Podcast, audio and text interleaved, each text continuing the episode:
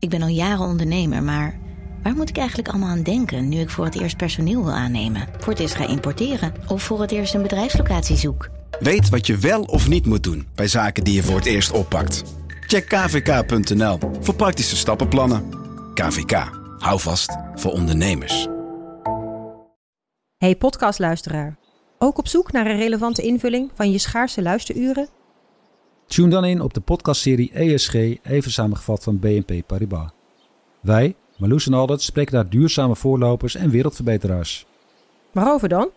Nou, bijvoorbeeld of we ooit duurzaam kunnen gaan vliegen. En waarom koeien in de stad nou een goed idee is? Dat en meer elke twee weken in een nieuwe aflevering. Dus abonneer je. ESG, even samengevat.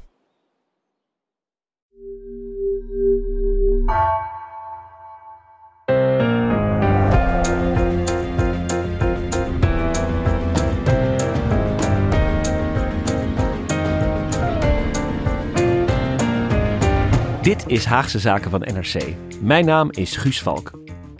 Je hebt echt wel last van dat beeld wat soms in de media wordt neergezet als van uh, ze doen het niet goed, ze, ze, betrekken de burger er niet bij, ze werken van 9 tot 5, ze verstaan een vak niet. Ik heb heel sterk het gevoel dat er ongelooflijk veel bevlogen mensen hier rondlopen. Ik weet dat eigenlijk heel erg zeker. De stemmen die je hoort, hoor je zelden ergens. Het zijn de stemmen van ambtenaren die werken voor de Rijksoverheid. Dus als ik kijk naar wie zijn mijn collega's, dat zijn allemaal mensen met een toch wel een hele sterke drive om verschil te willen maken. Mensen die nooit naar buiten treden, of hoog stelden, terwijl het wel altijd over ze gaat in Den Haag. Toen ik hier kwam werken, toen dacht ik al, wauw, het is, je kan als overheid zoveel betekenen voor een kwetsbaar persoon of een groep. Um, maar als overheid, ja, je, je maakt wel het verschil. In deze Haagse zaken komen ze aan het woord, uitgebreid. Het vraagt heel veel lef en moed om de minister tegen te spreken. En dat durf ik nu ook wel open te zeggen, na al die jaren dat ik hier werk.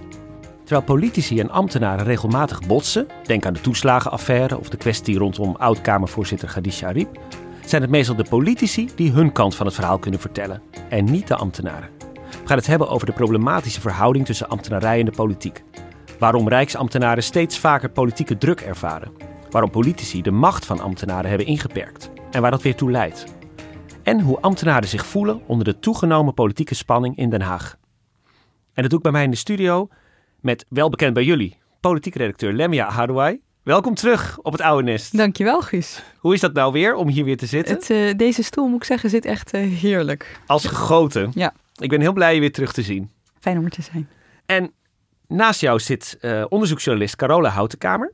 Hallo, yes, ik zit hier omdat uh, ik met mijn collega Marijn Rengers een onderzoeksverhaal heb gemaakt.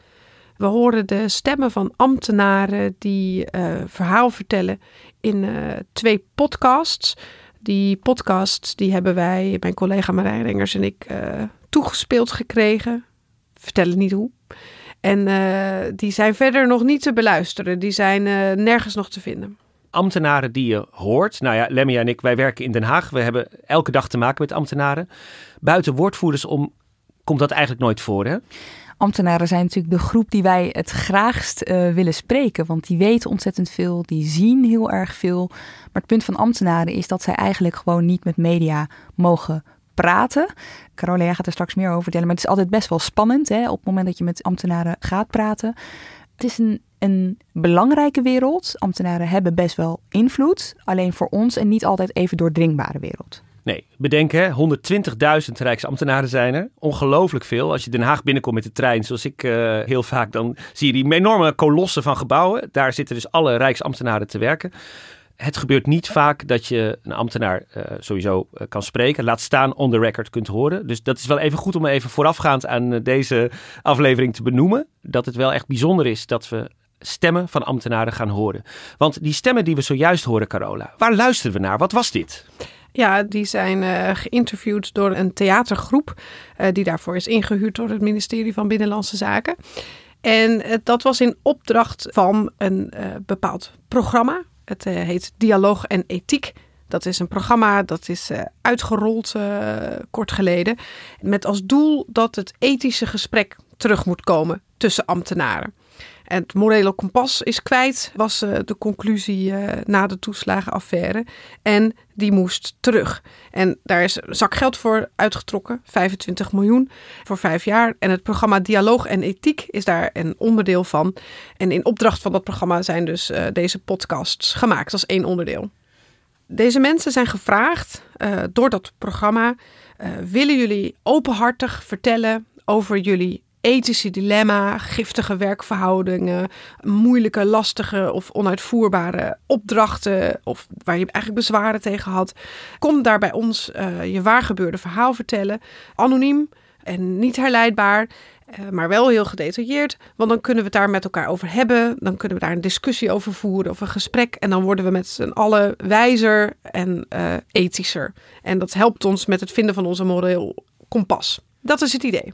Zo gezegd, zo gedaan, hè? Want we hoorden ze praten. De kapstok van deze podcast is Hanna Arendt. Kun je me dat uitleggen, hoe dat zit? Ja, de podcast heet ook uh, Hallo Hanna.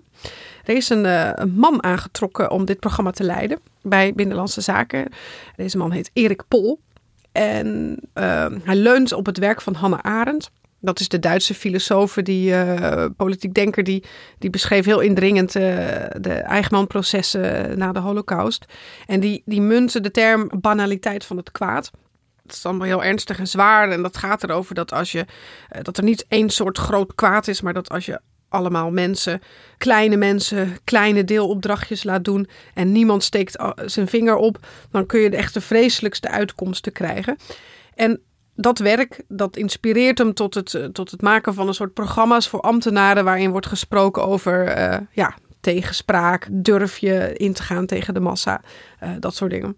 Ja, want het, het kwaad is niet iets groots dat buiten jou staat, maar het kwaad zit een beetje in jou. Ja. En een kleine bureaucraat kan een Eichmann worden. Dat ja. is eigenlijk uh, de kern ja. van het denken. Ja, of heel veel kleine bureaucraten bij elkaar kunnen een Eichmann faciliteren en uh, tot stand brengen. Ik vind het een beetje ongemakkelijk, eerlijk gezegd. Ik hoor dit zo aan. Ik denk de Tweede Wereldoorlog komt voorbij, de Eichmann-proces, Anna Arendt. En die podcast is dus ook vernoemd naar Hanna Arendt. Ja, hallo Hanna. Je hebt ook Hanna Arendts Podia, Hanna Arendt Labs, Hanna Arendts protocollen, Hanna Arendt dagen.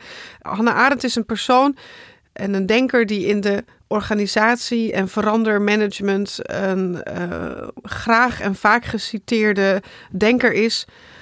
Ja, of al alle deelnemers altijd al het zwaarmoedige en moeilijk leesbare, diepgravende werk van Hanna Arendt ook lezen of dat onderdeel is van het curriculum, dat durf ik soms te betwijfelen. Maar goed. Het feit dat er veranderd moet worden, uh, heeft zijn oorsprong in de toeslagenaffaire kwam net al heel kort eventjes voorbij. Um, maar de toeslagenaffaire was eigenlijk de grote wake-up call voor de ambtenarij in uh, heel veel opzichten. Hè? De affaire waarin heel kort gezegd die erop neerkwam dat jarenlang duizenden onschuldige mensen min of meer zijn opgejaagd door de Belastingdienst en toch als een soort fraudeur werden behandeld. Uh, toeslagen die ooit uitgekeerd waren weer moesten terugbetalen, vaak echt rukzichtloos, waarbij hele gezinnen te gronden zijn gericht. Dat leidde tot het rapport Ongekend Onrecht in 2021. En in dat rapport stond, door een parlementaire ondervragingscommissie, stond dat er een grote kloof gaapt tussen politiek en ambtenarij. En het rapport beschrijft eigenlijk hoe bewindspersonen te weinig zeg maar, kritiek van onderop horen. En horen dat politieke besluiten die ze nemen eigenlijk helemaal niet kunnen. En die politici zeggen op hun beurt weer van ja, ja, maar die geluiden komen ook niet bij ons. Hè? Er zit een leemlaag tussen de ambtenarij en de politiek. Dat, zo staat dat in dat rapport. Maar ambtenaren zijn wel degelijk kritisch geweest. Denk aan het memo Palme. Hè? Het uh, memo van een ambtenaar die schreef al in 2017 dat ouders in de toeslagenaffaire gecompenseerd moesten worden. Maar dat advies werd uh, in de wind geslagen. Die toeslagenaffaire, dat heb jij ook meegemaakt Lemia, was politiek natuurlijk een enorme rel. Het kabinet trad af, een grote gebeurtenis, politiek. Maar ook binnen de ambtenarij kwam dit hard aan. Hè? Absoluut. Het was wel een soort van uh, schokgolf. Veel van die ambtenaren waren uh, geschrokken. Je had ook een deel van de ambtenaren die zich echt aangesproken voelden. Hè? En wat opviel aan de kabinetsreactie op dat rapport, de POK wordt het ook wel uh, genoemd, is dat Rutte ook wel kritisch was op die Haagse binnenwereld. Carola, jullie schrijven er ook over. Hè? Uh, dat hij, ja, hij schreef dat er een gebrek was aan kritisch denkvermogen. Ja, en gebrek aan tegenspraak. Hè? Mensen niet durfden te zeggen tegen de baas van uh, dit gaat niet goed. Precies, maar Guus, jij noemt net al eventjes die memo Palme. Ik denk dat dat eigenlijk best wel symbolisch is in dit licht. Die memo van die kritische ambtenaar, die verdween in een la. En we hebben het hier in Haagse Zaken wel vaker gehad over die leemlaag die jij net noemt. Dat zijn vaak die topambtenaren die tussen de wat ja, lagere salarisschalen ambtenaren zitten en die minister. En die soms ook wel fungeren als een soort van buffer, als een soort van zwart gat waar alles in verdwijnt, waardoor het nooit de andere kant haalt. Dus ja, die toeslagenaffaire heeft echt wat losgemaakt bij die ambtenaren. Om dit toch ook een beetje in te kleuren, niet alleen bij de ambtenarij, maar ook bij de politiek. Rutte 3 viel dus over dit rapport. Rutte 4 begon. En een van de eerste dingen die ze deden in hun inwerkweken was uh, dat ze een soort van workshop kregen van Wouter Koolmees. Die kennen wij nu als topman van de NS. Die kende zij toen nog als oud-minister van Sociale Zaken. Maar hij is ook topambtenaar geweest. Of in ieder geval ambtenaar geweest. En hij is ook Kamerlid geweest. Met andere woorden, hij weet beter dan wie dan ook hoe die politieke ambtelijke verhoudingen liggen. Dus wat hebben ze gedaan? Wat moesten ze doen? Ja, ik ben wel nou, benieuwd. Nou, de Ridderzaal, toen kon het nog. Een avondje, een vrijdagavond van 7 tot 10. Die bewindspersonen van Rutte 4 die zaten verspreid over de zaal aan van die ronde tafels. En wat Wouter Koolmees eigenlijk deed, was hij had een soort casus en die werd met de ronde extremer. En in die groepjes moesten ze dan over overleggen, die bewindspersonen, wat ze zouden doen, wat ze zouden zeggen in dat geval. Bijvoorbeeld, stel je voor, je krijgt een voor jou onwelvallig advies. Wat doe je ermee van ambtenaren? Nou ja, je kan ervan vinden wat je wil, maar het betekent in ieder geval wel, dit was nooit eerder gebeurd op deze manier. Nee, het was in ieder geval een gesprek. Er was Ik ben wel benieuwd naar de notulen van die bijeenkomst. Ik zou er ook echt uh, veel voor over hebben, Carola. Dus hè, de politieke werkwijze moest anders, ethischer, uh, meer, meer doorleefd, meer doordacht. Veel hè. goede voornemens. Dat voel ik er heel erg, uh, als ik dit ook zo hoor, een beetje in terug. Maar ook de ambtelijke werkwijze moest anders, zei Carola. Dat ethische moest ook in de ambtelijke werkwijze terug. Je noemde net dat bedrag van 25 miljoen euro voor vijf jaar. Wat is daar allemaal voor verzonnen? Ja, dat was de opdracht die eh, Rutte gaf aan eh, de ambtenarij. Eh, Vind het morele kompas. Er waren al programma's, dat heet, ja, er zijn heel veel programma's bij de overheid. Er zijn vier te verschillen en er is loyale tegenspraak en de OCW Open is er en er is een leerlijn integriteit en ethiek. Nou goed, er is, er is van alles. Maar dit was een nieuw programma. Er bestond bij Binnenlandse Zaken al iets als ambtelijk vakmanschap en grenzeloos samenwerken. En dialoog en ethiek kwam daar dus bij. Met echt als bedoeling, en dat had ook, mocht ook een filosofische inslag uh, hebben. Dat was ook de bedoeling van Erik Pol die daar uh, binnenkwam. Om dat open gesprek, een vrij gesprek tussen ambtenaren, transparant. Wat vind je moeilijk? Hoe sta je erin? Um, wat kun je doen? Uh, hoe zorg je dat nare dingen niet gebeuren? Hoe vrij voel je? Dat gesprek moest op gang komen. Nou, daar had hij dus wel een redelijk budget voor om dat te gaan doen. Maar met welk doel dan? Dat ambtenaren zich meer uitspreken, dat de overheid integerder wordt? Wat was het einddoel, denk je, van zo'n programma? Nou, het einddoel is, dat is wel, uh, er is een programmaplan gepresenteerd. Uh, en daarin staat dat het einddoel is dus een, uh, ambtenaren die weerbaar zijn, die zichzelf durven uitspreken, die zelf kunnen bedenken wat ze goed of fout vinden. Die dus daar houvast in vinden. En zich vrij voelen om dat dus uit te spreken. Zodat er betere dienstverlening komt, beter beleid. En uiteindelijk uh, staat in het programmaplan minder pijn voor de samenleving. Dat is het uh, ultieme doel. Dat zijn grote woorden, maar dat is wel uh, wat rijksbreed uitgerold moet worden. Die man die dit allemaal uh, moest gaan oplossen of in gang gaan zetten, Erik Pol. Kun jij even schetsen wie deze persoon is? Ja, hij is 61 jaar. Hij was directeur participatie op het ministerie van Infrastructuur en Watermanagement. Hij heeft heel veel banen gehad. Hij was journalist, voorlichter bij de gemeente Zoetermeer, interim manager, PvdA statenlid en toen ook ambtenaar geworden. En bij, bij infrastructuur introduceert hij een, uh, de filosofie als manier om dat gesprek op gang te brengen. Hij wordt een soort huisfilosoof daar. En dat doet hij thuis ook al. Hij heeft met zijn vrouw uh, La Scuola, dat is een uh, academie voor levenskunst in, in Noodorp. En hij organiseert filosofiereizen naar Italië. Dus hij is al actief in dat veld.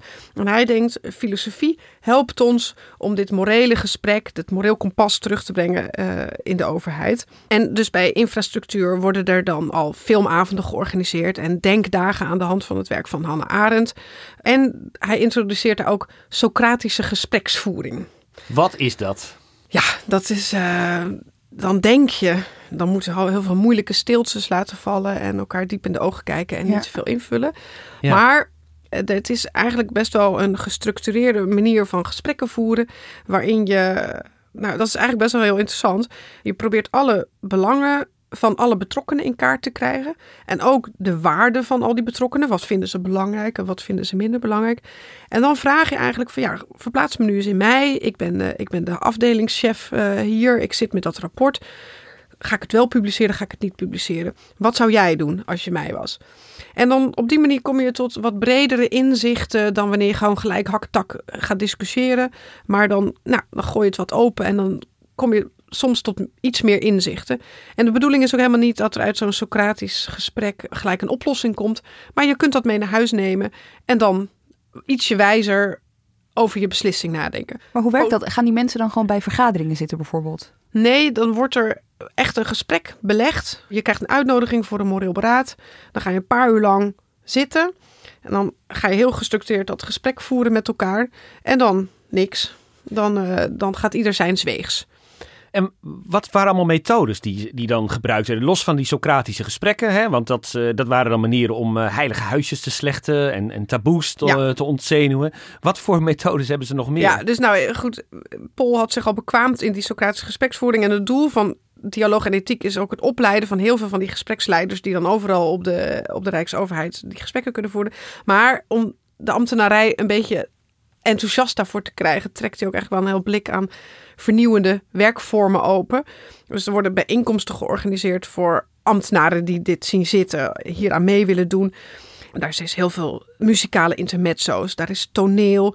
Daar is een schilderes die blootsvoets het ongezegde op doek komt zetten. En, kun je, sorry, kun je, kun je dat een beetje inkleuren? nou, er zijn, het idee is dat kunst dus ook op een andere manier ruimte biedt. Dus dan zijn er gesprekken waarin dilemma's worden besproken of moeilijke kwesties. En zij beeldt dan het, zover ik dat begreep, het ongezegde uit. En dan kon je daar weer op reflecteren. Er worden kralenspellen gespeeld om samen tot een visie te komen. Er worden, zijn sessies rondom virtuele kampvuren met kerstlampjes in een schaal. Er zijn Socratische snacks. Ik weet niet wat ik, dat zijn. Maar dat zou zijn er wel. vonden. Ik, ik, ja. En er is ook een danser. Moest een worteltje. er is ook een danser en die komt dan je complexe vraagstuk uitdansen. En zet het daarna op uh, spoken word. Er wordt van alles georganiseerd. Alleen het probleem is dat dit soort dingen, een kralenspel en een, en een blootsvoetste schilderes, uh, dat, dat trekt natuurlijk een bepaald publiek. Dat zijn natuurlijk een beetje de usual suspects. Dat zijn mensen die zichzelf al grenswerker of kwartiermaker noemen. Ja. Of uh, ruimteverkenner. Die hebben dat al in hun LinkedIn-profiel staan. Maar je wil die leemlagen waar we het over hadden. Je wil die, die groep, die uh, Theo bij de finance, die denkt het zal allemaal wel. Die wil je eigenlijk benaderen. Die moet ook meedoen. En dan is het idee, we gaan ook podcasts maken. Want die kunnen breed verspreid worden. Hallo, fijn dat je luistert naar Hallo Hanna. De podcast waarin Rijksambtenaren vertellen over de ethische kant van hun vak. Wie zijn deze mensen? In hoeverre botst hun werk met de realiteit? Hebben ze wel eens last van gewetensbezwaar bij een bepaalde opdracht en hoe gaan ze daar vervolgens mee om? Zoals Hannah Arendt zei: al wat kan zien, wil gezien worden. Al wat kan horen, roept om gehoord te worden. Dit is aflevering 1 over de ambtenaar en gewetensbezwaar. En nu wordt het interessant, hè? Want je had het net over het ongezegde schilderen, een kralenspel, een rollenspel, dat soort dingen. Dat is natuurlijk allemaal ook een soort van veilig of zo. Want het is abstract, het is niet uh, vast te pinnen op een concrete kwestie. Nee, want wie uh, je... is tegen transparantie en wie is tegen openheid? Ja, en... dat klinkt allemaal mooi, Socratisch ja. enzovoort. Maar nu wordt het interessant, want nu komt er een podcast. En moeten ambtenaren dus voor een microfoon, zoals wij hier nu zitten, vertellen over dilemma's die zij in hun dagelijks werk meemaken. Dat klopt. Ze worden daartoe uitgenodigd en er zijn ambtenaren die willen dat doen. En zij en de theatermakers van Firma Mes, die, uh, die daarvoor zijn ingehuurd, die doen echt goed werk. Die trekken echt indringende verhalen boven en laten mensen die vertellen. En dat zijn dus een aantal ambtenaren. We weten niet, uh, het is niet te horen wie zij zijn. Zij zijn anoniem. Maar wat ze vertellen is echt heel concreet. En dat levert heel indringend beeld op van hoe het binnen in de departementen werkt. En we horen nu bijvoorbeeld een ambtenaar die vertelt dat zij een opdracht krijgt. Het is de vluchtelingencrisis in 2015. Een grote groep komt er binnen. En dan krijgt zij een opdracht om iets te ja, een, een, ja, of een scenario te ontwikkelen. Van wat gebeurt er als we die, deze specifieke groep nou onder eh, betalen, onder wat normaal gangbaar en eh, wettelijk is. Uh, die opdracht krijgt zij. Even luisteren. Ik weet nog dat mijn toenmalige afdelingshoofd, die kwam zeg maar mijn, mijn unit of mijn cluster vertellen. dat de bewindspersonen hadden gevraagd of wij verschillende opties of scenario's wilden bedenken over hoe die opvang, en met name dan de inkomensondersteuning voor die groepen, um, geregeld kon worden op een um, minimaal niveau.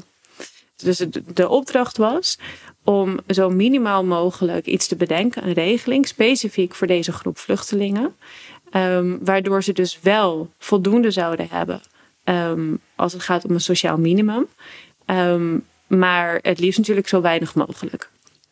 We worden hier gevraagd om specifiek voor één groep, dat, dat mag al niet, iets te gaan ontwikkelen dat hun waarschijnlijk niet gaat helpen. Nou, er werden al meteen wat scenario's bedacht en op tafel gegooid. Dus heel veel mensen gingen direct in brainstorm-modus. Op zich, nou ja, mooie kwaliteit dat je dat hebt. Maar wat me het meeste bijstaat, is dat er even niet een time-out werd gezet van wacht even, we hebben een grondwet. Toen ik dus mijn hand opstak en dacht van ja, maar jongens, wacht even. Um, ik weet niet of ik dit goed begrijp, maar volgens mij gaan we hier een verkeerde kant op. Uh, moeten we niet eerst even teruggaan? Dat mij toen werd gezegd, we hebben gewoon iets uit te voeren. Dit is een politieke opdracht. Dus dat is je plicht. Dat mij echt werd gewezen op mijn plicht als ambtenaar. Dus ga niet lastig doen. Je hebt een plicht om, om iets uit te voeren. Uh, dat het vervolgens wel is aan de bewindspersonen om die verschillende scenario's daar dan een keuze in te maken als een bewindspersoon dit in de Kamer zou vertellen, dat dit gebeurd was, zou die persoon meteen in de problemen zijn gekomen. Dus Lemmia, er is ook een reden dat dit soort verhalen vaak helemaal niet naar buiten komen. Ja, als je dit zo hoort, dan kan je je voorstellen dat je als ambtenaar denkt, ik kan gewoon beter niks zeggen mijn mond houden. Ja, precies. Ja. het is natuurlijk niet alleen maar opgelegd, maar er zit ook wel een zekere eigenbelang in misschien om uh, niet altijd maar alles uh, uh, openbaar te krijgen. Nou ja, op de lange termijn, ik bedoel, hoe vaak kun je nee zeggen? Of hoe, hoe vaak kun je iets weigeren? Of hoe vaak kun je kritiek plaatsen? Je, je, hebt ook te maken met andere collega's die het wel uitvoeren. je moet er heel dapper voor zijn om, ook als ambtenaar, om je steeds weer aan je principes te houden of aan de grondwet te houden, om maar een voorbeeld te geven. Wat ik ook wel echt heel erg interessant vind, is dat zij dus hoort van haar collega's: je hebt dit gewoon uit te voeren, dit is een politieke keuze geweest. Maar ambtenaren die leggen een eet af hè, als zij beginnen. En de eerste zin daarvan luidt: ik zweer of beloof, afhankelijk van of je de gelofte of de eet uh, kiest, dat ik trouw zal zijn aan de koning en dat ik de grondwet en alle overige wetten van ons land zal eerbiedigen. Dus zij ziet hier dat iets dat komt in botsing met wetten die we in Nederland hebben. Ze maakt daar een opmerking over. En blijkbaar is dus het eerste wat ze te horen krijgt. Ja, je hebt het maar gewoon uitvoeren. Overigens wordt die eet wel aangepast, grappig genoeg in deze context. Uh, er wordt aan toegevoegd dat ambtenaren werken in het algemeen belang voor onze samenleving. Oké, dat komt erbij. Dat komt erbij, oh, ja. nou, dat is ook iets wat zij onmiddellijk uh, merkt. Dat die ruimte om haar vinger op te steken, dat die echt heel beperkt is. En dat hoor je ook in, uh, in, in dit fragment. De wijze waarop ik op mijn plek werd gewezen, um, dat, dat raakte me toen heel erg. Dat ik dacht, huh? Maar sorry, hoe, hoe, hoe is het werkweigering? Ik stel gewoon een kritische vraag, omdat volgens mij klopt het niet. Misschien zit ik ernaast. Misschien mag het allemaal wel. Uh, maar die vraag moet gesteld kunnen worden. En nou, een aantal collega's moesten ook gewoon een beetje lachen, want ik was weer radicaal aan het doen. Um, en ja, je moet toch vertrouwen hebben. We hebben toch een goed stelsel. En ja, er is geen toetsing aan de grondwet, maar we hebben een raad van state. Zover zijn we nog niet. En weet je, laten we nou maar eerst gewoon dingen gaan uitdenken met elkaar. En ja, je ziet meteen uh, ja, gevaar en um, nou ja, dat, maar ook um, uh, ja, dat het op een gegeven moment heel persoonlijk werd. Um, ja, jij zal daar wel moeite mee hebben, want hè, het zijn Syrische vluchtelingen. Dan heb ik zelf een Egyptische achtergrond. Um, liggen niet echt naast elkaar, maar goed. Um, maar dat op een gegeven moment ging de discussie bijna zo. We begrijpen dat het emotioneel is voor jou. Maar pas op, weet je, het is in principe werkweigering. En dat was dus op dat moment dat het me zo extra raakte, dat ik dacht. Maar het gaat hier niet om mij en wat ik ervan vind. Maak het niet een persoonlijk iets van, oh, zij zijn ook Arabisch of ook moslim of ook, wat natuurlijk al die hele link niet, niet, niet per definitie klopt. Maar Ehm, sowieso, kijk, ik, ik ben een niemand. Hè? Ik ben een ambtenaar uh, op een laag niveau. Dus vooral toen. Um, dus het is ook niet dat als directeur je iets weigert. Want dan zou je natuurlijk, hè, zou misschien de minister wel even een woordje moeten hebben. Ja, dit is een beetje adding insult to injury, zeg maar. Um, want wat er gebeurt is eigenlijk dat deze ambtenaar iets moet doen waar zij al uh, grote bezwaren bij heeft. Vervolgens merkt dat de organisatie niet kan omgaan met de kritiek die zij daarop levert. En nog erger wordt aangesproken op haar etnische achtergrond. Ja, en de onuitgesproken veronderstelling dat zij er wel problemen mee zou hebben, want mede-Arabier of mede-moslim, het hangt allemaal in de lucht, maar het wordt niet gezegd. En dat steekt haar enorm. In die podcast zijn meer van dit soort verhalen te horen. Het is eigenlijk één grote opsomming van dit soort. Ze schetsen bij elkaar nogal een somber beeld van de overheid. Met uh, intimidatie en uh, angstcultuur en schreeuwende bazen, discriminatie. En je hebt ook een man die komt langs en die moet een scenario-studie uh, doen voor iets. Maar hij vindt het A, een onzinnige opdracht. Nou, daar is al geen ruimte voor om dat te zeggen.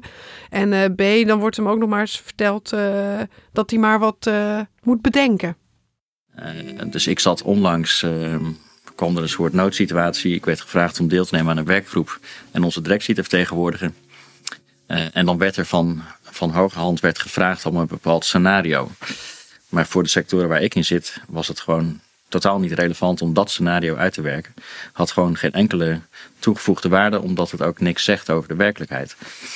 Um, dus mijn feedback was steeds: dit heeft voor ons geen zin, maar ik ben op zoek wat wel. Maar eigenlijk was de opdracht gewoon: we willen dat scenario gewoon uitgewerkt. En ik zei: ja, maar ik kan wel iets maken wat geen toegevoegde waarde heeft. Maar volgens mij ben ik daar niet voor. Ik word daar niet voor betaald. Daarvoor ben ik niet in dienst gekomen. Uh, dus ik zei, uh, wat wel kan is dit. Maar dat was gewoon echt niet de vraag. Uh, en ik kreeg letterlijk uh, van hooghand de mail, dan verzin je toch gewoon iets. En toen zei ik, nou dat ga ik dus echt niet doen. En dan met verzin je toch gewoon iets was gewoon, dan bedenk je toch gewoon wat aantallen en dan ga je daar iets bij verzinnen wat dan daarvoor zou werken. Wat dus totaal los staat van de werkelijkheid. Je levert dan wel wat gevraagd wordt, maar het levert, het levert niks op, want het is niks wat er vervolgens gebeurt met deze man is dat hij merkt dat hij steeds minder opdrachten krijgt. En dat hij gewoon ja, in de zijlijn belandt nadat hij dit heeft gezegd. Dus dat vertelt hij ook. Ja, want die werkgroep waar hij in was gezet, daar mocht hij niet meer komen, begreep ik? Nou, of hij merkt gewoon dat hij wordt steeds minder gevraagd. Ja, ze hebben zijn, van zijn diensten hoeven ze steeds minder gebruik te maken. Dus je, je voelt dat hij naar de zijkant wordt geduwd. Dat ervaart hij in ieder geval zo. Je kunt er overheen luisteren en denk je, nou goh, ja, wat de toestand. Maar ik ben echt nog nooit gevraagd om aantallen in een stuk te bedenken. Of het maar een beetje aan te passen, omdat het dan de uitgever of zo beter uitkomt. Ik zou ook echt schreeuwend op het dak staan als dat gebeurt. Maar dit, ja, dit, dit komt gewoon even langs in zo'n podcast. Maar wat zegt dit over de verhoudingen? De verhoudingen tussen ambtenaren onderling, hè? tussen lagere ambtenaren of uitvoerende ambtenaren en hoge ambtenaren. En tussen ambtenaar uh, en politiek. Nou ja, wat, ik, wat mij wel opvalt, uh, ook aan dit uh, tweede fragment, maar ook al het eerste fragment, is dat je dus, dan heb je ambtenaren die zich uitspreken. Iets kan niet of iets is niet grondwettelijk of whatever. Eigenlijk precies wat Rutte dus zo graag wilde na uh, dat rapport over de kinderopvangtoeslagenaffaire. En dan gebeurt dat en dan zijn het niet eens alleen de politici die ze daarop aanspreken, maar dan zijn het ook je directe collega's. Dus het is niet eens een kwestie van hiërarchie. Het is ook gewoon een cultuur van hè, collega's onderling die zeggen, ja, zo doen we dat nou eenmaal hier. Dat hoor ik er een beetje in terug. Ja, ik vind het eigenlijk redelijk ontluisterend. Ik denk vast wel dat Hannah Arendt daar een heel goed citaat bij heeft. Ik heb hem even niet paraat, maar... En toch, al die ministeries proberen wat. Hè? Dus uh, jij noemde net al even OCW Open bijvoorbeeld. Dat is ook zo'n programma van uh, het ministerie van Onderwijs, uh, Cultuur en Wetenschap. Dat probeert ook een soort verandertraject te beginnen. Waardoor mensen dus opener naar elkaar kritiek uiten. Dat er veel meer zelfkritiek is. Dat er veel meer sensitiviteit is voor de gevolgen van beleidseffecten op, op burgers. JNV verandert. JNV verandert, ook zo eentje inderdaad. Hele dure programma's die bedoeld zijn allemaal om een soort cultuurverandering te bewerkstelligen. Maar eh, al die dure programma's, die leiden in de praktijk dus kennelijk nergens toe. Want deze ambtenaren hebben nog steeds overal, eh, lopen overal tegenaan. Ja, het is echt heel erg moeilijk meetbaar wat dit soort ethische cultuurprogramma's doen. Of ze beklijven. En je ziet het ook bij de Rijksoverheid een komen en gaan van dit soort programma's. Het is ook heel moeilijk te toetsen. Heb ik nou vorig jaar tien schandalen en nu acht? Ben ik er dan twee schandalen op vooruit gegaan. Dat is ook heel moeilijk meetbaar. Maar er is ook heel weinig overtuigend bewijs dat dit soort ethische programma's inderdaad een, een organisatie helemaal op zijn kop zetten. Misschien, denk ik dan, is het spanningsveld tussen politiek en ambtenarij gewoon te groot. Is het niet mogelijk om door middel van, ik zal maar zeggen, softe middelen, zo'n harde tegenstelling te overbruggen? Het wordt heel erg neergelegd, dit programma Dialoog en Ethiek, wordt het heel erg neergelegd bij de gewone man op de werkvloer. En die moeten allemaal zitten en in sessies praten met elkaar, Socratisch uh, elkaar in de ogen kijken. En het is echt de vraag of dit de juiste laag is waar je dit moet beleggen. Maar hierbij is toch ook gewoon heel belangrijk of die politici ook meedoen. Ik bedoel, um, zit er een minister in de zaal als uh, er iets wordt uitgedanst, zoals jij dat dan noemt? Uh, of uh, schildert hij of zij mee? Voeren zij die Socratische gesprekken ook? Of is dit vooral iets wat ambtenaren onderling doen? Ja, dit programma Dialoog en Ethiek is echt voor de ambtenaren. En daar kun je ook wel vragen over stellen. Moeten die elkaar de hele tijd uh, Socratisch uh, in de ogen kijken en uh, allemaal gesprekken voeren met elkaar? Of zit het toch meer tussen de lagen? Ik denk dat het programma zelf zou zeggen dat het zeker ook tussen de verschillende lagen zit. Maar het programma is er voor ambtenaren. En ja, daar, daar, dat is ja. denk ik de terechte vraag. Maar ongekend onrecht, dat rapport van de toeslagenaffaire waar dit misschien allemaal wel mee begon, liet toch zien dat er bijna sprake is van een soort institutionele misconstructie, zeg maar, tussen politiek en ambtenarij. Volgens mij leggen ze het nu bij de, bij de lagere ambtenaren, maar daar ligt het probleem toch helemaal niet? Ja, dat, dat idee heb ik inderdaad ook. Want kijk, die, die verhouding hè, tussen politici en ambtenaren, eh, die staan altijd ook wel eens tegenover elkaar. Ik bedoel, het, het is altijd een gespannen relatie uh, geweest er gebeuren wel, of eh, laat ik het zo zeggen, de politieke context is er ook wel naar om de spanning daar nog meer op te zetten. Dat heeft bijvoorbeeld te maken met lange formaties, waardoor een regeerperiode steeds korter wordt. Ik bedoel, voor Rutte 4 is dat nog drie jaar, omdat de formatie een jaar duurde. Het heeft ermee te maken dat alles in crisistempo moet, hè? omdat er crises zijn, maar ook omdat uh, bewindspersonen heel snel willen bewijzen dat ze ertoe doen. Uh, er heerst een soort profileringsdrang. Dat heeft er weer mee te maken dat die politieke situatie altijd onzeker is, omdat er bijvoorbeeld in de Eerste Kamer meerderheden gezocht worden. Nou, stel dat dat onhoudbaar wordt, nou ja, dan klapt een kabinet of om iets anders. Heel veel bewindspersonen willen daarna nog verder werken, of in de politiek of ergens anders. En vinden het dus belangrijk om als een soort van uh, om een goed profiel op te bouwen, la, laat ik het zo zeggen. Dus al die factoren spelen mee in die politiek-ambtelijke verhoudingen we hadden laatst een stuk in de krant van uh, onze collega Andreas uh, Kouwenhoven. Die liet dat denk ik heel goed zien met een stuk over Dennis Wiersma, de onderwijsminister. Die heel graag wilde dat de onderwijsinspectie, zeg ik even uit mijn hoofd, ook toezicht zou houden op religieuze weekendscholen. En iedereen zei tegen Dennis Wiersma, ook zijn ambtenaren, doe het niet, want dit is eigenlijk niet uitvoerbaar. En Dennis Wiersma vond, het moet wel. Dus je ziet ja, dat het een beetje onder druk staat. En daar zit dan die profileringsdrang achter. Daar zit uh, politieke druk achter misschien ook wel. Ja. Maar in ieder geval um, uh, zie je dan dat het wringt tussen politieke wil en ambtelijke wil. Ja, en ik denk dat als je dan kralenspellen gaat doen en uh, rondom het virtuele kampvuur gaat zitten, dan moeten de SG's daar ook zitten. En dan moeten de bewindspersonen daar ook zitten. En die moeten dan ook leren nee zeggen tegen een, uh, misschien wel tegen een vraag uit de Kamer. Of zeggen dit is onhaalbaar. Of de SG moet tegen zijn bewindspersoon zeggen van ja, sorry, dit gaat echt niet gebeuren. Ik weet niet of dat kan, want dan heb je je departement niet onder controle. Dus ik denk niet dat je het alleen de ambtenaren moet laten doen. Nee, en de, macht van ambtenaren is natuurlijk de laatste jaren ook flink ingeperkt. Hè? Onder meer door uh, de Oekase Kok al in de jaren negentig. Die al stelde dat ambtenaren geen contact met de buitenwereld mochten hebben. Daar kwam het eigenlijk op neer. Dat verklaart ook die geslotenheid waar Lemmy en ik uh, dagelijks tegenaan lopen. Ja, dat is um, dus wel al een beetje aangepast. Hè? Ik bedoel, inmiddels is het aangepast. Ollongren, dus zij mogen nu bijvoorbeeld wel, ambtenaren mogen wel contact hebben met Kamerleden ja, bijvoorbeeld. En briefings geven en dat exact. soort dingen. Maar uh, in de praktijk, dat zeggen ook Kamerleden, is het ja. bijna niet mogelijk om een ambtenaar te bellen. Nee, en het is ook voor een onderzoeksjournalist uh, niet mogelijk om een ambtenaar te bellen. Ja, we doen het wel eens uh, stiekem. Maar dat is ook eigenlijk heel raar. Dat, soms wil je gewoon een uitleg, een technische uitleg van iets. En dat kan echt alleen de ambtenaar geven. En dat is ook wel heel... Veel gedoe. Je mag ze ook nooit noemen alsof dat het allerergste is wat je kunt doen, is de naam van een ambtenaar noemen. Dat is ook een heel, ja. hele gekke dynamieken. Ik denk dat we ook even de vorming van de Algemene Bestuursdienst moeten noemen, de ABD. Want die heeft de ambtenarij aan de top eigenlijk volledig gereorganiseerd. Uh, waar vroeger, zeg maar, soort secretarissen-generaal, SG's, de hoogste ambtenaren van het ministerie, er soms jarenlang zaten en eigenlijk net zo machtig waren, misschien wel machtiger dan een bewindspersoon, want ze wisten alles. Zijn dat nu mensen die uit de pool van de ABD komen en dan in het ene jaar daar werken op dit ministerie en dan eens een keer daar. En dat zijn meer generalisten, meer een soort ja, beroepsmanagers zou je ze kunnen noemen. En waar het toe heeft geleid is dat er een soort laag is ontstaan van managers die eigenlijk meedenken met de bewindspersoon. Zo ervaren ambtenaren dat Ah, oké. Dus dan is het nog moeilijker om tegen die mensen te zeggen: nee, dit is gewoon wat je wil. Dat kan, dat bestaat gewoon niet. Het, het leidt tot ambtenaren die meedenken met, eh, met de Ah, bewindspersoon. Eh, terwijl de lagere ambtenaren merken dat ze dus moeilijker aan de top eh, komen met hun kritiek. Of ook bang zijn dat hun kritiek niet gewaardeerd wordt, wat ook vaak zo is. En Wat ook nog een beetje spanning eh, zet op die relatie, wat extra spanning zet op die relatie, is een soort onzekerheid bij ambtenaren. Neemt onze bewindspersoon het nog wel voor ons op als wij in dat politieke debat getrokken worden? Of in het, ja, in het, mediadebat zou je ook kunnen zeggen. Hè? Want zij zijn gewoon bang, zij doen hun werk normaal gezien achter de schermen en zien dat zij steeds meer in de openbaarheid worden getrokken. En er zijn twee dingen die daar heel belangrijk voor zijn geweest. Want in die kabinetsreactie van het kabinet op dat eh, rapport van de toeslagenaffaire zijn er twee dingen veranderd. Eén daarvan is dat de WO, dat is eh, wat we vroeger de WOP noemden. Vroeger werden er eh, persoonlijke beleidsopvattingen van ambtenaren weggelakt. Dus dat waren al die grote zwarte vlekken die tegenwoordig wit zijn om het minder heftig te laten zijn of Dat, grijs. is dat echt dat de ambtenaar dan zijn eigen mening geeft? Of is dat een soort beleid wat nog niet geaccordeerd is? Ik vind dat zelf altijd. Ik krijg Ja. ze altijd terug, die WOP-verzoeken met, met die, dat te zwart. Maar ik weet eigenlijk nooit precies wat. Ik heb zelf eigenlijk altijd de indruk gehad dat dat gewoon omdat het weggelakt was. eh, ik bedoel, het alles persoonlijk- was zo'n beetje, weet je wel. Want wat wel eens gebeurde, nou ja, vooral jullie van de onderzoeksredactie, is dat jullie natuurlijk het origineel ook hadden. En dan gingen jullie naast elkaar En dan dacht je, leggen. wat is nou hier precies de persoonlijkheid ervan? Ja. maar goed, eh, voor een ambtenaar die dus al het gevoel heeft, ik word steeds meer dat debat ingetrokken en wiens opvattingen nu ook gedeeld worden met de buitenwereld, dat kan natuurlijk best wel kwetsbaar zijn.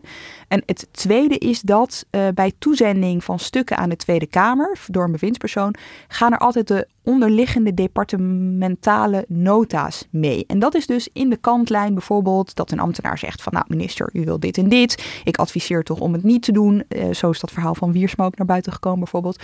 Dus dat je ziet wat ambtenaren adviseren. Nou ja, ook dat vinden ze best spannend, want ook dat kan natuurlijk onderdeel worden van debat.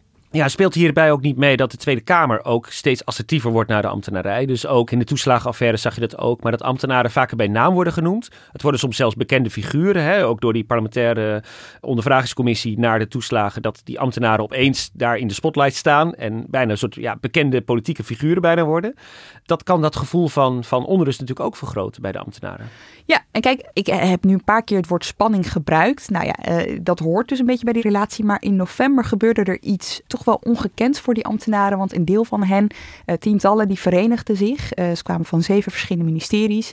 En die schreven een brandbrief aan Rutte, de premier, aan Hanke Bruins-Slot. Dat is de minister van Binnenlandse Zaken, verantwoordelijk voor de Rijksambtenarij. Aan onder andere eh, Gert-Jan Buitendijk. Hij is de secretaris-generaal, dus de hoogste ambtenaar van het ministerie van Algemene Zaken, de rechterhand van Mark Rutte. En aan de klerk, en dat is de directeur-generaal van de ABD, die jij net al noemde. En in die brief, dat was echt wel eh, bijzonder. Die brief die is geschreven nadat de top van de Tweede Kamer, de ambtelijke top van de Tweede Kamer, was opgestapt. Het was gebeurd in de kwestie rond eh Ariep en de hele nasleep daarvan. De manier waarop zij dus ook in die discussie werden getrokken.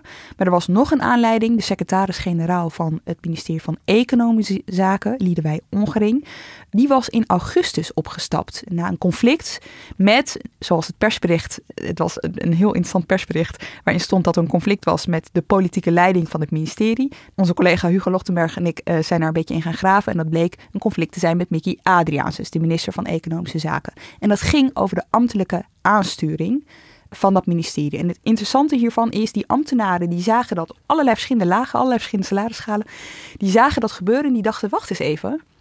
Op het moment dat ambtenaren in conflict komen met de politieke leiding, of het nou de Tweede Kamer is of een ministerie, wie neemt het dan eigenlijk voor ons op? En nou ja, zij maakte zich eh, daar ontzettend zorgen over. Ze schrijven ook in die brief, we zijn geschrokken en onder de indruk van eh, deze stappen. Dan hebben ze het vooral over het opstappen van de ambtelijke top van de Tweede Kamer. En ze vragen dan van de ABD en van alle secretarissen-generaal, eh, secretarissen-generaal moet ik zeggen, steun dit openlijk. Steun deze mensen. Laat zien dat jullie je ook zorgen maken. En ze schrijven ook in die brief bijvoorbeeld dat in veel gevallen er een, ik citeer even, professionele en effectieve verhouding tussen de ambtenarij en de politiek is. Een samenwerking gericht op effectief beleid en niet enkel op politieke profilering. Maar helaas niet altijd. En dit is echt ambtenarentaal om te zeggen: de shit is aan. Weet je wel, van dit gaat echt niet goed op deze manier. Nou, naar aanleiding van die brief is er een eh, gesprek geweest tussen de twaalf secretarissen-generaal. Er zijn twaalf eh, ministeries. Rutte en Bruin Slot op het ministerie van Algemene Zaken van Rutte.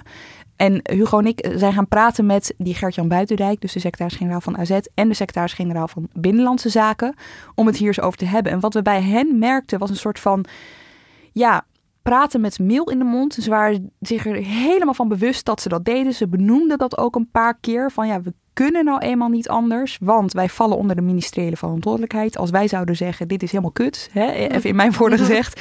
Dan moet de minister zich daarvoor gaan verantwoorden in uh, de Tweede Kamer. Dus je zag al in dat interview... Heel woordenwegend. Ja. Precies. Maar als je er doorheen las... Nou ja, dan zag je dat dit onderwerp echt speelt. En zelfs dat interview, begrepen we later, heeft er heel veel losgemaakt binnen de ambtenarij. Ze spraken met mail in de mond, maar ehm, ze, ze dienen natuurlijk ook twee heren, zou je kunnen zeggen. Hun bewindspersoon, die ze altijd moeten steunen, en hun eigen personeel. Zij zijn de hoogste baas van het ministerie. Zij gaan over het welzijn van die ambtenaren die dus zo ontzettend in de problemen zijn. Ja, dus een van de dingen die zij zeiden was, hè, er worden uh, irreële eisen aan ons gesteld. Ik denk dat die voorbeelden die, uh, die we net hoorden in die podcast zijn daar wel een, voorbeeld uh, van. Dit zijn dan ook nog eens de SG's. Dus dit zijn ook nog eens de mensen die, nou ja, de, de, de hoogste salarisschaal van de ambtenaar, laat ik het maar uh, zo zeggen. Uh, maar moet je je voorstellen dat je een ambtenaar bent die nog een paar treetjes uh, eronder zit. Dan klop je aan bij de SG in het ergste geval, want dat doe je natuurlijk niet zomaar. Je hebt de eerste diensthoofd, je hebt de DG. Er zijn alle, allerlei hiërarchische lagen zitten ertussen. Maar die SG heeft tegelijkertijd, wat jij zegt Guus, ook nog de minister te dienen. Kijk, formeel gezien, op papier lijkt altijd alles heel erg makkelijk. De uh, minister gaat over de politieke zaken. De SG gaat over de aansturing van de ambtenarij. Net zoals in de Tweede Kamer, het presidium, de dagelijkse leiding van Tweede Kamerleden, die gaat over de politieke kant, waaronder de voorzitter, hè, die, die gaan over de politieke kant van het Kamerbedrijf. En de griffier, die gaat over de ambtelijke organisatie. Maar ook daar zag je dat die rolverdeling makkelijker is op papier dan in het echt, waar het gewoon helemaal door elkaar heen loopt. Alles is politiek en alles is uitvoering. Daar was de kern van de zaak dat die rollen een beetje door elkaar heen gingen lopen, volgens mij. En dat zie je ook wel op de ministeries gebeuren. Dus, dus dat politici zich steeds meer met ambtelijke leiding uh, gaan bezighouden. En die ambtenaren, die dus onder meer in, zo'n in die verhoren over de toeslagenaffaire, bijna in een politieke rol worden gedwongen. Ja, ik denk dat je dat wel kan zeggen. Ik denk het, het, het voorbeeld van het ministerie van Economische Zaken is het meest tastbare wat we hebben. Hè? Omdat dat heeft geleid tot een conflict en een secretaris-generaal die uiteindelijk is opgestapt. Maar het is wel iets waar ook niet zo heel makkelijk een oplossing voor te vinden is. Hè? Je kan zeggen iedereen moet zich aan zijn uh, taak houden en dan is het klaar. Maar de praktijk is wel zo dat een minister afhankelijk is van zijn ambtelijke apparaat. Ja, en dat zijn ambtelijk apparaat uiteindelijk wel de politiek moet uitvoeren. De politieke wil moet uitvoeren. Nou ja, precies. Want even advocaat van de duivel, hè, moet een ambtenaar niet gewoon. Een ambtenaar is niet gekozen uiteindelijk. Dus is het niet democratisch verdedigbaar om te zeggen: een ambtenaar moet gewoon beleid uitvoeren, moet politieke keuzes uh, uitvoeren en daarmee basta. Maar je wil, denk ik, ook een soort van tegenmacht hebben. Soort, dat wordt hier zo gepolitiseerd. Dat is niet helemaal wat ik, wat ik wil mhm, gebruiken mhm. eigenlijk. Maar je wil zeg maar een soort geweten hebben. Die uh, uh, alles toetst aan uh, wetten, aan regelgeving. die niet alleen gaat... Kijk, het hele idee hè, van het uit elkaar trekken van de ambtelijke organisatie en de politieke organisatie... is dat ambtenaren iedereen kunnen dienen. Of er nou een rechtskabinet zit, of er nou een linkskabinet zit... of er nou een middenkabinet zit ambtenaren zijn niet politiek gekleurd. Maar er moet wel ruimte zijn voor tegenspraak. Ja, maar goed, want dan wil je, je wil misschien ook geen departement met 2000 eh, mondige ambtenaren die elke keer zeggen, nou, ik ga gewoon hier, ik heb hier een heel slecht gevoel bij, ik ga dit nu bij mijn baas neerleggen, want dit voelt allemaal helemaal niet goed. Dat is ook een probleem. Ja, de vraag is een beetje wat. Ja, dit wordt bijna een filosofische ja, discussie waar we uh, meneer Pol bij uh, zouden kunnen betrekken. Even een paar kralen over tafel. Over, de, over deze spanning tussen politiek en ambtenarij en over hoe de politiek eigenlijk zich steeds meer bemoeit met uh, de dagelijkse ambtelijke leiding. Daar spreekt deze ambtenaar over. Luister maar even naar een nieuw fragment uit Hallo Hanna. De politiek gaat vervolgens, een minister gaat vervolgens met zijn partijgenoten afwegen wat landt er goed in de Tweede Kamer, hoe beland ik goed in de peilingen van Maurice de Hond? Hoe behoud ik mijn zetels? Dus dan zit je vervolgens naar een debat te kijken en dan denk je, hè?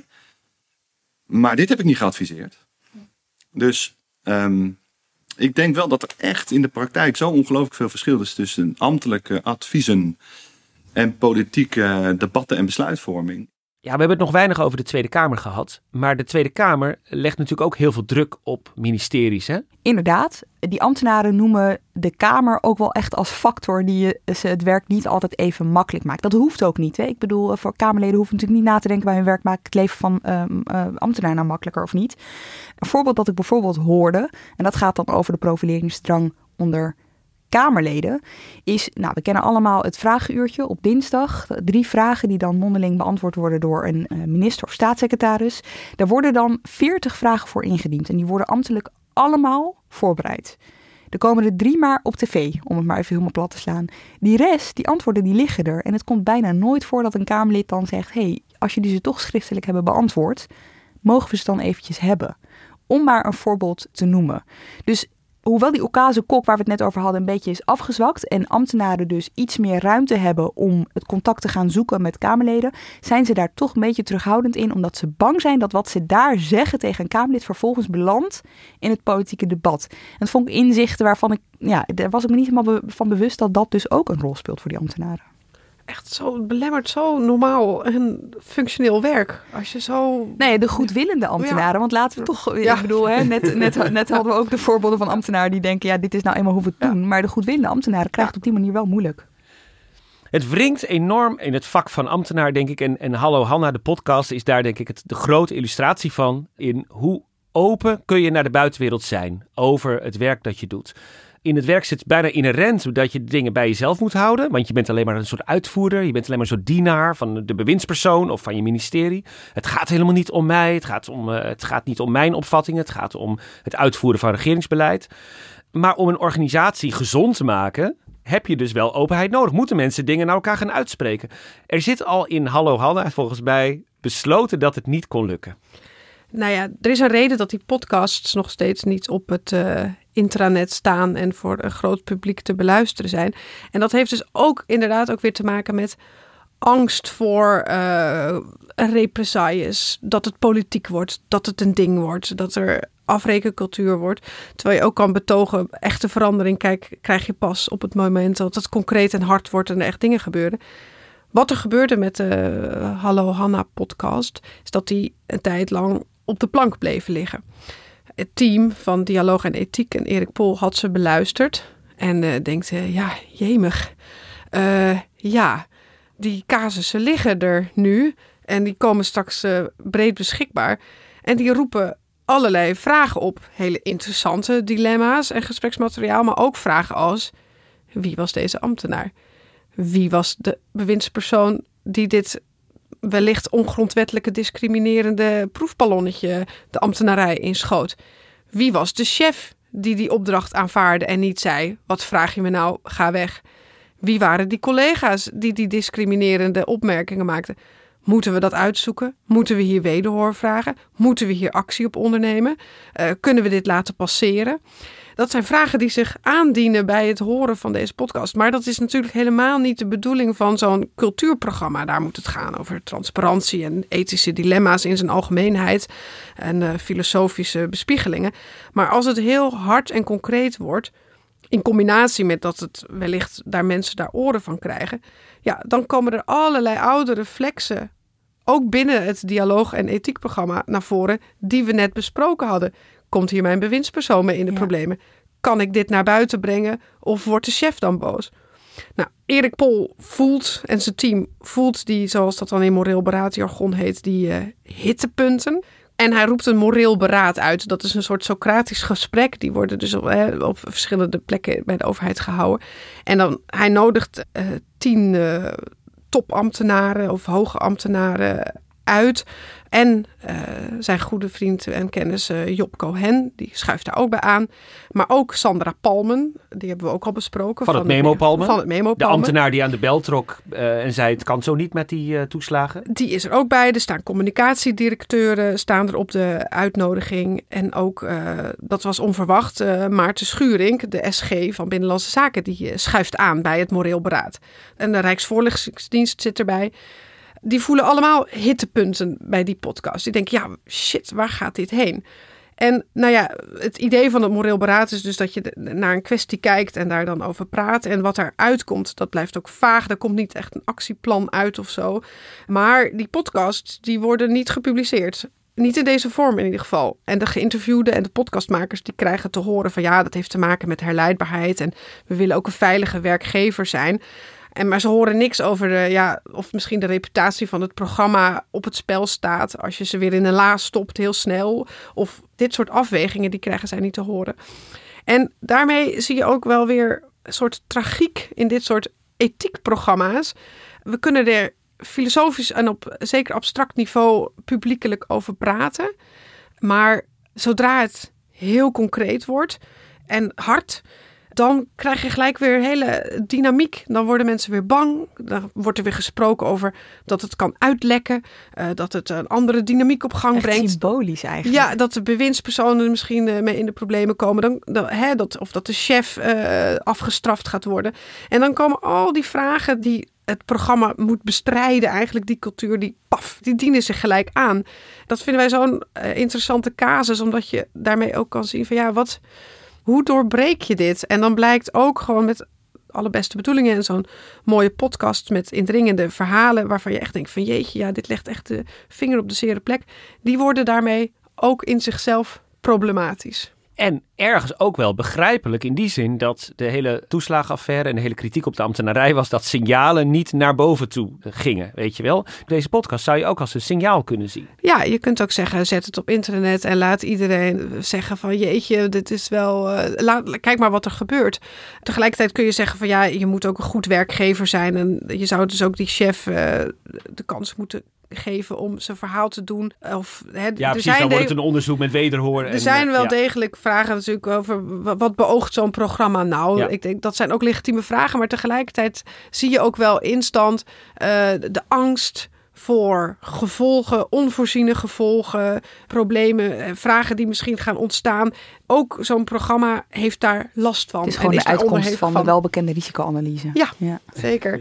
We hebben natuurlijk ook om een reactie gevraagd. En um, de, wat we begrepen is dat misschien wel uiteindelijk gepubliceerd gaan worden, maar dat het dan in, uh, in aangepaste vorm zal zijn. Of dat daar wat aanpassingen aan zal worden gedaan. En dan kun je ook zeggen dat is ook een bekende overheidsreflex. Namelijk niet de misstand zelf wordt aangepakt, maar de bekendmaking van de misstand moet worden gemanaged. Dat is een uh, herkenbaar patroon inderdaad. En nog even voor de duidelijkheid. Deze podcast is dus in een labeland, is nooit op het intranet gezet, is nooit gedeeld met de buitenwereld. Maar jullie hebben hem. Uh, ja, we Punt. zeggen niet hoe. Is er ook nog hoop in die podcast te vinden? Zijn er lichtpuntjes? Waar, waar hopen de ambtenaren uiteindelijk op? Hoe ziet hun toekomstperspectief eruit?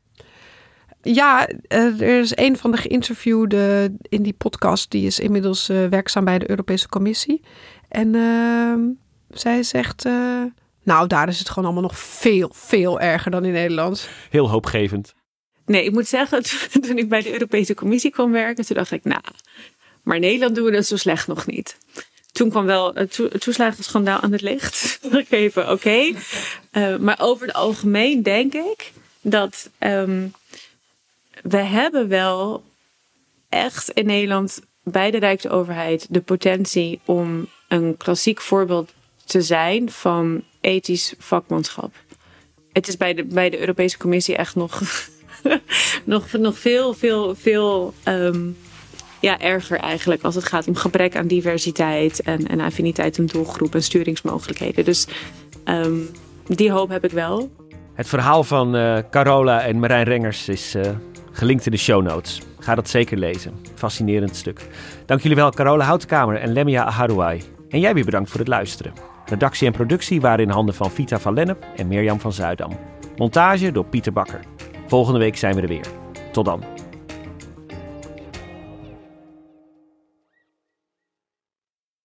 Technologie lijkt tegenwoordig het antwoord op iedere uitdaging. Bij PwC zien we dit anders. Als we de potentie van technologie willen benutten, kunnen we niet zonder een menselijk perspectief. Human-led, tech-powered noemen we dat. Ga naar pwc.nl.